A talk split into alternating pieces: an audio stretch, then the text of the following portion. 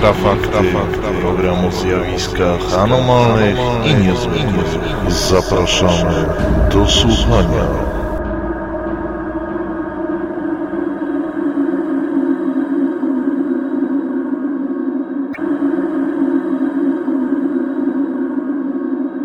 luty 2013 roku mówi Michał Kuśnierz, a ze mną jak zwykle niezmiennie jest Piotr Cielebiaś. Witaj Piotrze.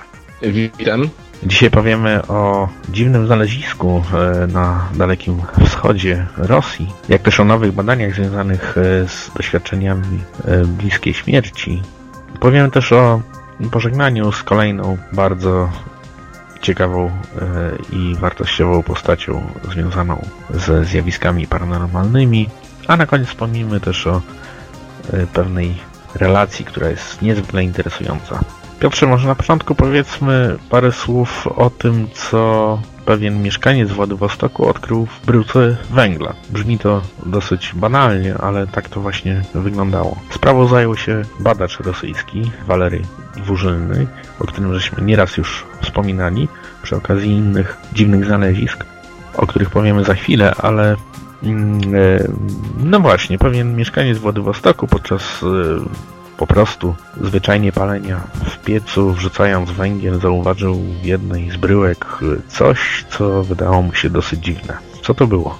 Jak się okazało, wyciągnął ze środka y, no taki przedmiot z bardzo lekkiego metalu w kształcie, ja wiem, no przypomina trochę klamerka albo fragment jakiejś zębatki. Y, tkwił ponad głęboko w tej bryle, no i od razu nasunęło się pytanie, jak się tam znalazł. Pierwsze pierwsza hipoteza mówiła, że mógł tam po prostu trafić po tym, jak oderwał się od jakiejś górniczej maszyny. No, dwurzylny był innego zdania, dlatego że mówił, że nie mógł się tam dostać mm, ów metal. Mm, e, co ciekawe, nie był to piryt, który jest znany z formowania takich bardzo geometrycznych kryształów, lecz, uwaga, stop z bardzo wysoką zawartością aluminium. I teraz pojawia się pytanie, jak ten przedmiot znalazł się w bryle węgla, która pochodzi z pokładów mających 300 e, milionów lat. Mm, tutaj od razu przypomniało się nam o innych tego typu znaleziskach, e, opisanych m.in. w książce Zakazana Archeologia, ale sprawa no, jest co najmniej kontrowersyjna i wpisuje się w nurt tych bardzo anomalnych znalezisk archeologicznych. E, przypomnijmy może, że w Rosji w latach 90. natrafiono na inne bardzo zagadkowe znaleziska w formie takich sprężynek wykonanych z tungstenu i molibdenu. Nikt nie potrafił powiedzieć skąd wzięły się na głębokości kilku metrów, gdzie je znajdowano. Mm, e, opinie również były bardzo rozbieżne. Niektórzy twierdzili, że to ślad po starych fabrykach, inni mówili, że e, to ewidentna technologia nieziemska. No nie wiem, musimy poczekać jeszcze troszkę na rozwiązanie tej sprawy z Władywostoku i wtedy zobaczymy, e, z czym mamy do czynienia. No właśnie, przy okazji tych sprężynek właśnie żeśmy wspominali o e, Walerym Dwurzylnym, który e, wysuwał dosyć odważne hipotezy, że, e, że są one właśnie pochodzenia kosmicznego. No ale cóż, no, no zobaczymy jak to będzie z tym znaleziskiem w Władywostoku, ale może teraz na chwilę zmienimy temat i powiedzmy o dalszych badaniach e, projektu AWARE, czyli badaniami nad e, no cóż, no, brzmi to dosyć odważnie, ale e, Stanami bliskimi śmierci. E, naukowcy zajmują się tym już od jakiegoś czasu. Jest cała ich grupa, e, głównie w Stanach Zjednoczonych i Kanadzie, którzy starają się mm, dojść do tego, w jaki sposób można powiedzieć, że zanika nasza świadomość. Co się w zasadzie dzieje wtedy, kiedy umieramy. No właśnie, o projekcie EOR mówimy dlatego, że jego kierownicy wystosowali takie oświadczenie, w którym, no, z którego wynika, że posiadają bardzo ciekawe informacje na temat e, stanów NDE, czyli e, wizji z pogranicza śmierci, zwanych też e, w polskiej literaturze wizjami ze śmierci klinicznej. No cóż, oni od kilku lat zajmują się zbieraniem relacji od ludzi, u których doszło do nagłego zatrzymania krążenia, na przykład podczas operacji. Interes ich szczególnie te, te, te przypadki, kiedy mm, świadkowie donosili o wychodzeniu z ciała, o eksterioryzacji jakby świadomości i obserwowali to, co mm, dzieje się wokoło. My mm, kiedyś przeprowadziliśmy taką audycję, wywiad z panią Alicją Ziętek, która doświadczyła czegoś właśnie w tym typie.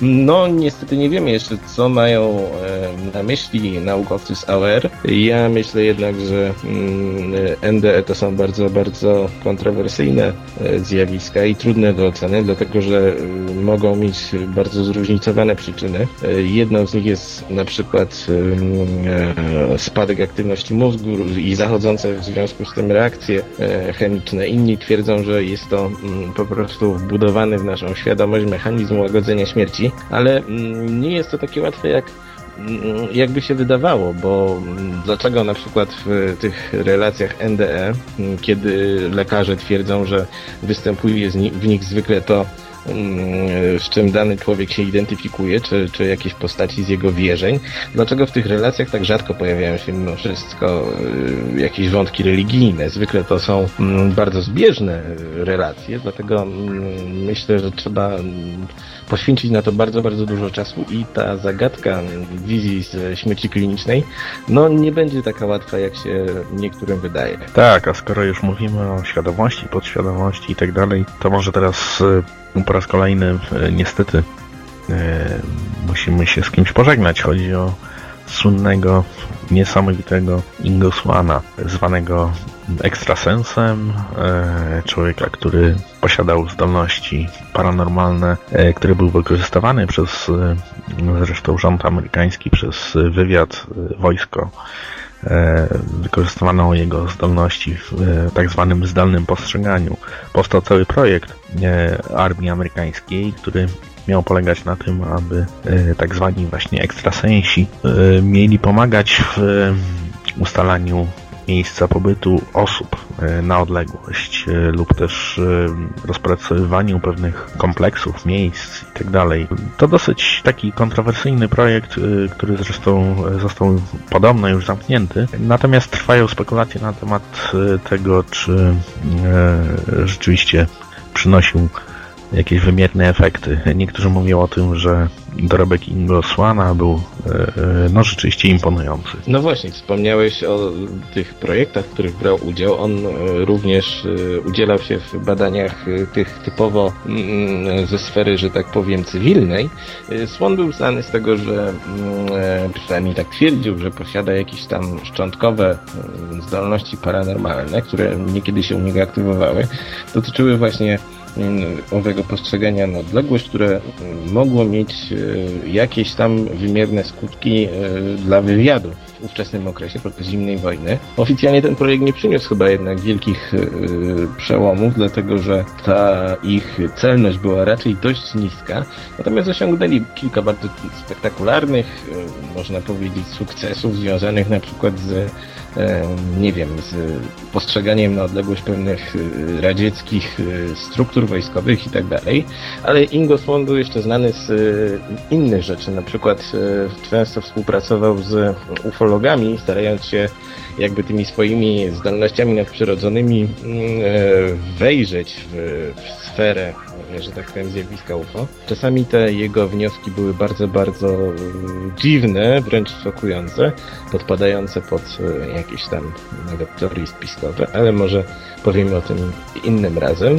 W każdym bądź razie był to też e, pisarz, który mm, dość obficie dzielił się tymi swoimi przeżyciami w swoich książkach. Tak, a więcej informacji o e, tych e, różnych projektach zdalnego postrzegania można znaleźć na, przede wszystkim na naszym forum paranormalny.eu. E, tutaj wspomniałeś o e, UFO i ufologach, e, więc może powiedzmy parę słów, e, troszkę zapowiadając naszą kolejną audycję, która będzie prawdopodobnie w całości poświęcona pewnemu niezwykłemu przypadkowi z województwa opolskiego, bowiem zgłosiła się do nas para policjantów, którzy podczas służby dostrzegli niezwykły obiekt.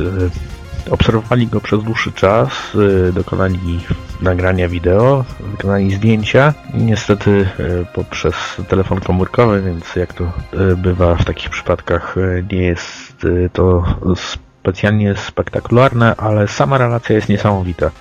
My żeśmy dokonali już długotrwałej rozmowy z, ze świadkiem, z policjantem, który nam opowiedział w szczegółach to, co widział on i jego koleżanka.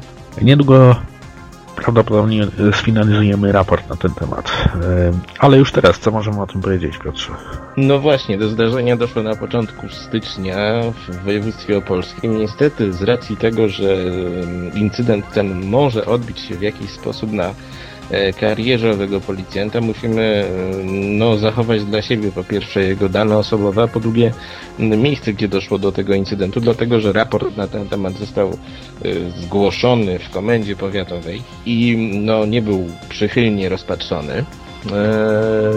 Co można więcej powiedzieć? No, chodziło o obserwację bardzo spektakularnego obiektu o godzinie 4 rano. Przypominał on początkowo mm, jakieś, e, jakąś formację świetlną, dopiero potem, gdzieś tak pod koniec światłowej zorientowali się, że mają do czynienia z e, obiektem w kształcie spotka z kopułą, który posiada pod spodem trzy światła. Co ciekawe, udało im się wykonać nagranie mm, przedstawiające częściowo manifestację tego obiektu. E, posiadamy też zdjęcie, zdjęcie jest troszkę mniej ciekawe, ale mm, ich relacja, no, to chyba będzie jednym z e, takich kluczowych przypadków ostatnich lat. Dlatego, że mm, ten obiekt nie tylko e, poruszał się i był dość blisko nich, znaczy w miarę blisko, ale też doszło do kilku, mm, że tak powiem, anomalnych elementów w tym spotkaniu.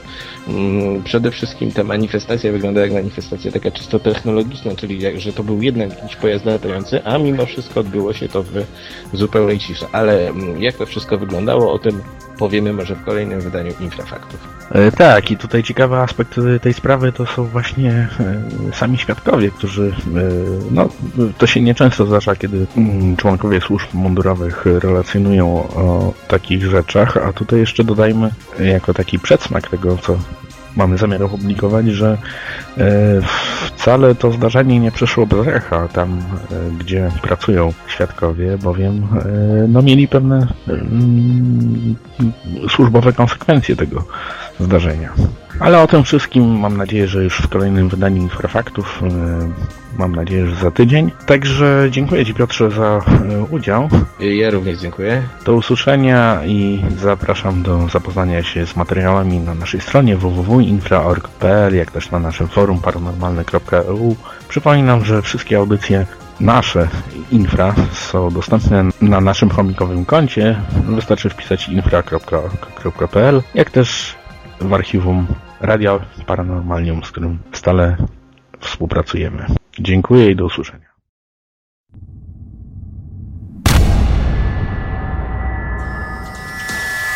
Produkcja i realizacja Portal Infra www.infra.org.pl